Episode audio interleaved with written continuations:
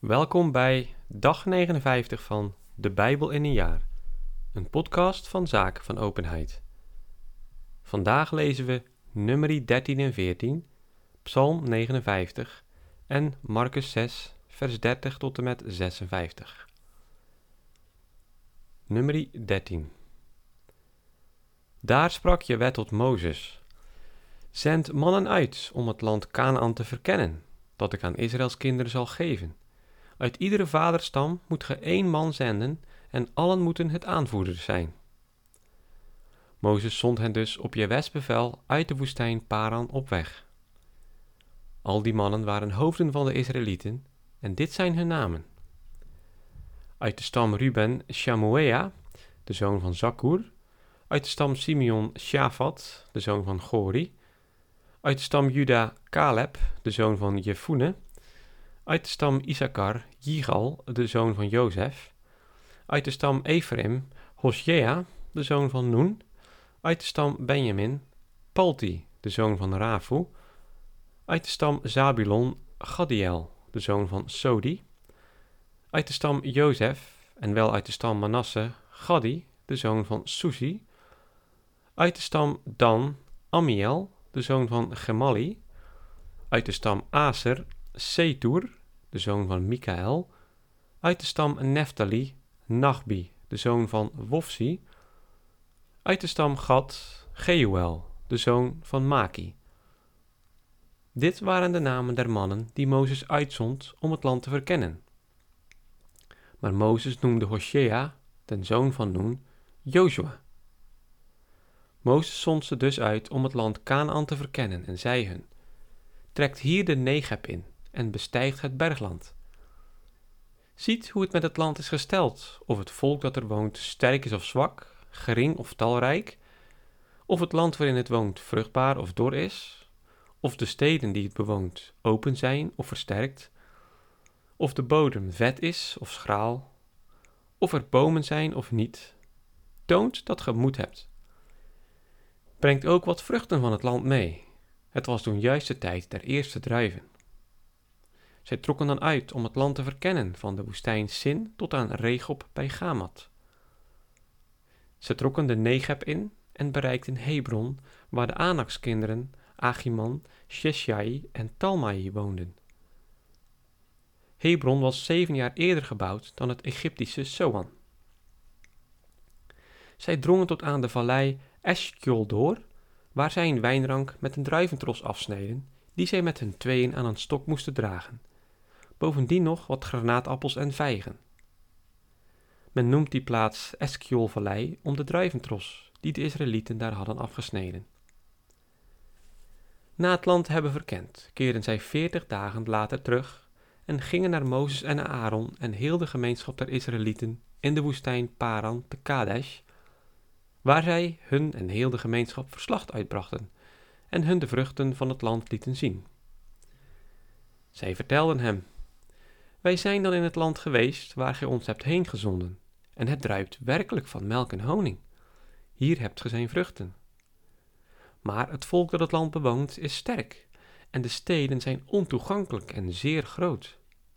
Bovendien hebben wij daar de Anakskinderen gezien. De Amalekieten wonen in de Negeb, de Gittieten, Jebusieten en Amorieten in de bergen, en de Kanaanieten langs de zee en langs de oever van de Jordaan. Caleb trachtte nog het volk dat om Mozes stond gerust te stellen en sprak: Laat ons zo gauw mogelijk optrekken en het veroveren, want we kunnen het gemakkelijk aan. Maar de mannen die met hem waren opgetrokken beweerden: We kunnen niet oprukken tegen dat volk, want het is sterker dan wij. En nu begonnen ze onder de Israëlieten allerlei praatjes te vertellen over het land dat ze hadden verkend en zeiden: Het land dat we hebben doorkruist om het te verkennen, verslindt zijn bewoners. En al het volk dat we daar hebben gezien is vreselijk groot. We hebben daar zelfs reuzen gezien, bij wie wij wel springhanen leken, zowel in onze eigen ogen als in die van hen. Nummer 14. Toen begon al het volk in die nacht te schreeuwen en te jammeren. Alle Israëlieten morden tegen Mozes en Aaron, en heel de gemeenschap zei tot hen: Ach, waren we toch in het land Egypte gestorven of omgekomen in deze woestijn? Waarom brengt je wij ons naar dit land, waar wij door het zwaard zullen vallen en onze vrouwen en kinderen een prooi zullen worden? Is het niet beter dat we terugkeren naar Egypte? En onder elkander spraken zij af: Laten we een aanvoerder kiezen, dan gaan we terug naar Egypte. Toen wierpen Mozes en Aaron zich voor heel de verzamelde gemeenschap van Israëls kinderen neer. En Jozua, de zoon van Noen, en Caleb, de zoon van Jefune, die tot de verkenners van het land hadden behoord, scheurden hun kleren en riepen tot heel de gemeenschap der Israëlieten. Het land dat wij hebben doorkruist om het te verkennen, is buitengewoon vruchtbaar. Zo je wij ons genadig is, brengt hij ons naar dit land en geeft hij ons een land dat druipt van melk en honing. Nee, wees niet weerspannig tegen Jahweh. Ge behoeft de bewoners van het land niet te vrezen, want ze zijn onze prooi. Hun schaduw is van hen weggegleden, terwijl je wij ons bijstaat. Vreest hen dus niet. Maar reeds maakte heel de gemeenschap aanstalten om hen te stenigen, toen eensklaps de glorie van Jewe boven de openbaringstent aan alle Israëlieten verscheen. En Jewe sprak tot Mozes, Hoe lang zal dit volk mij verguizen? Hoe lang zal het weigeren in mij te geloven, ondanks alle tekenen die ik onder hen heb verricht? Ik zal hen slaan met de pest en hen uitroeien. Dan maak ik u tot een groter en machtiger volk. Maar Mozes zeide tot Jahweh, de Egyptenaren hebben gehoord dat gij door uw kracht dit volk uit hun midden hebt weggevoerd. Ook de bewoners van dit land hebben vernomen dat gij, Jahweh, te midden van dit volk vertoeft. Dat gij, Jahweh, voor aller ogen verschijnt en dat uw wolk boven hen staat dat gij in een wolkolom overdag en des nachts in een vuurkolom voor hen uitgaat. Wanneer gij nu dit volk tot de laatste man doodt, zullen de volken die uw faam hebben gehoord zeggen, omdat wij niet machtig genoeg was dit volk naar het land te brengen dat hij hun onder ede beloofd had, heeft hij ze maar in de woestijn vermoord. Toon nu, Heer, de grootheid van uw kracht, zoals gij zelf hebt gezegd. Jewij is langmoedig en rijk aan genade. Hij vergeeft de zonden en misdaden wel, maar laat ze niet ongestraft. Hij wreekt de misdaad van de vaderen op de zonen tot in het derde en vierde geslacht. Ach, vergeef dan de zonde van dit volk volgens uw grote ontferming, zoals gij dit volk vergeven hebt van Egypte tot hiertoe. Toen sprak Jewe, op uw bede schenk ik vergiffenis. Maar, zo waarachtig ik leef, en heel de aarde van de glorie van Jewe vervuld is. Geen van de mannen die mijn glorie hebben aanschouwd en mijn tekenen die ik in Egypte en in de woestijn hebben gevrocht, maar mij nu voor de tiende maal tarten en niet naar mijn stem willen luisteren. Geen van hen zal het land aanschouwen dat, ik hun vaderen onder ede beloofd heb. Niemand die mij heeft verguisd, zal het aanschouwen. Maar mijn dienaar Caleb, die van een andere geest is bezield en mij dan ook trouw is gebleven, zal ik als beloning in het land brengen waar hij is binnengetreden, en zijn nakomelingschap zal het bezitten. Trekt morgen weer de woestijn in, de richting uit van de Rode Zee. En Jaweh vervolgde tot Mozes en Aaron. Hoe lang zal deze boze gemeenschap nog tegen mij morren? Het gemor dat de Israëlieten tegen mij hebben aangegeven, heb ik vernomen Zeg hun, zo waar ik leef, dit is de godspraak van Jewe. Zoals zij te mijnen aanhoren hebben gesproken, zo zal ik met u doen. In deze woestijn zullen uw lijken vallen, allen die van u gemonsterd zijn, allen zonder uitzondering van twintig jaar af, omdat gij tegen mij hebt gemord. Nee, gij komt het land niet binnen dat ik u met opgestoken hand als woonplaats beloofd heb. Behalve Caleb, de zoon van Jefune, en Jozua, de zoon van Noen. Maar uw kinderen, die gij al tot een prooi hebt verklaard, zal ik er binnen leiden, en zij zullen het land waarderen dat gij hebt versmaad. Uw lijken zullen in deze woestijn blijven liggen, en uw zonen zullen veertig jaar lang in de woestijn blijven zwerven, en uw tuchteloos gedrag moeten boeten, totdat uw lijken in de woestijn zijn vergaan. Zoals gij veertig dagen het land hebt verkend, zo zullen zij veertig jaren uw misdaden boeten, een jaar voor iedere dag. Zo zult ge beseffen wat mijn afkeer betekent. Ik, Jaweh, heb het gezegd. Zo zal ik doen met heel deze boze gemeenschap die tegen mij heeft samengespannen. In deze woestijn zullen zij omkomen, daar zullen zij sterven.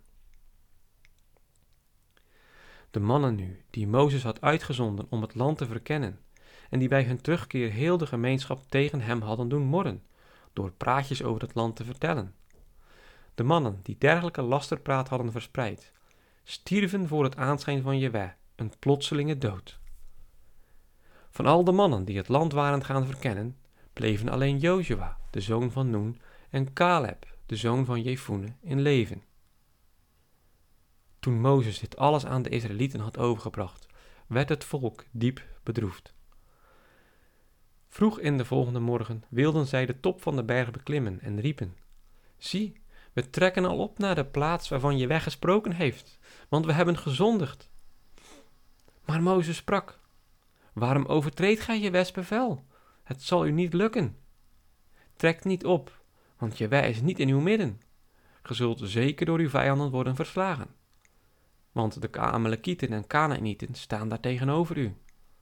Door het zwaard zult gevallen, want gij hebt u van Jewe afgekeerd, en Jewe staat u niet bij. Maar ze waren vermetel genoeg om toch de top van de berg te bestijgen, of schoon de ark van Jewes verbond en Mozes de legerplaats niet verliezen. Doch de Amalekieten en Kanaanieten, die op de berg woonden, kwamen naar beneden, versloegen ze en dreven ze terug tot Gorma toe. En de Amalekieten en Kanaanieten hielden het laagland bezet. Psalm 59 Voor muziekbegeleiding. Verderf niet. Een puntdicht van David, toen Saul het huis liet bewaken om hem te doden. Red mij van mijn vijanden, o God, bescherm mij tegen mijn verdrukkers. Bevrijd mij van de woestelingen, verlos mij van de bloeddorstigen. Want zie, ze belagen mijn leven en geweldenaars grijpen mij aan. O Jewe, ofschoon ik niets kwaads of verkeerds heb gedaan en geen schuld eraan heb, lopen zij uit en wachten mij op. Sta op, snel mij te hulp en zie toe, je wedder scharen, Israëls God. Ontwaak om al die trotsaards te straffen. Spaar geen van die valse verraders. Iedere avond komen ze terug en lopen de stad rond, jankend als honden.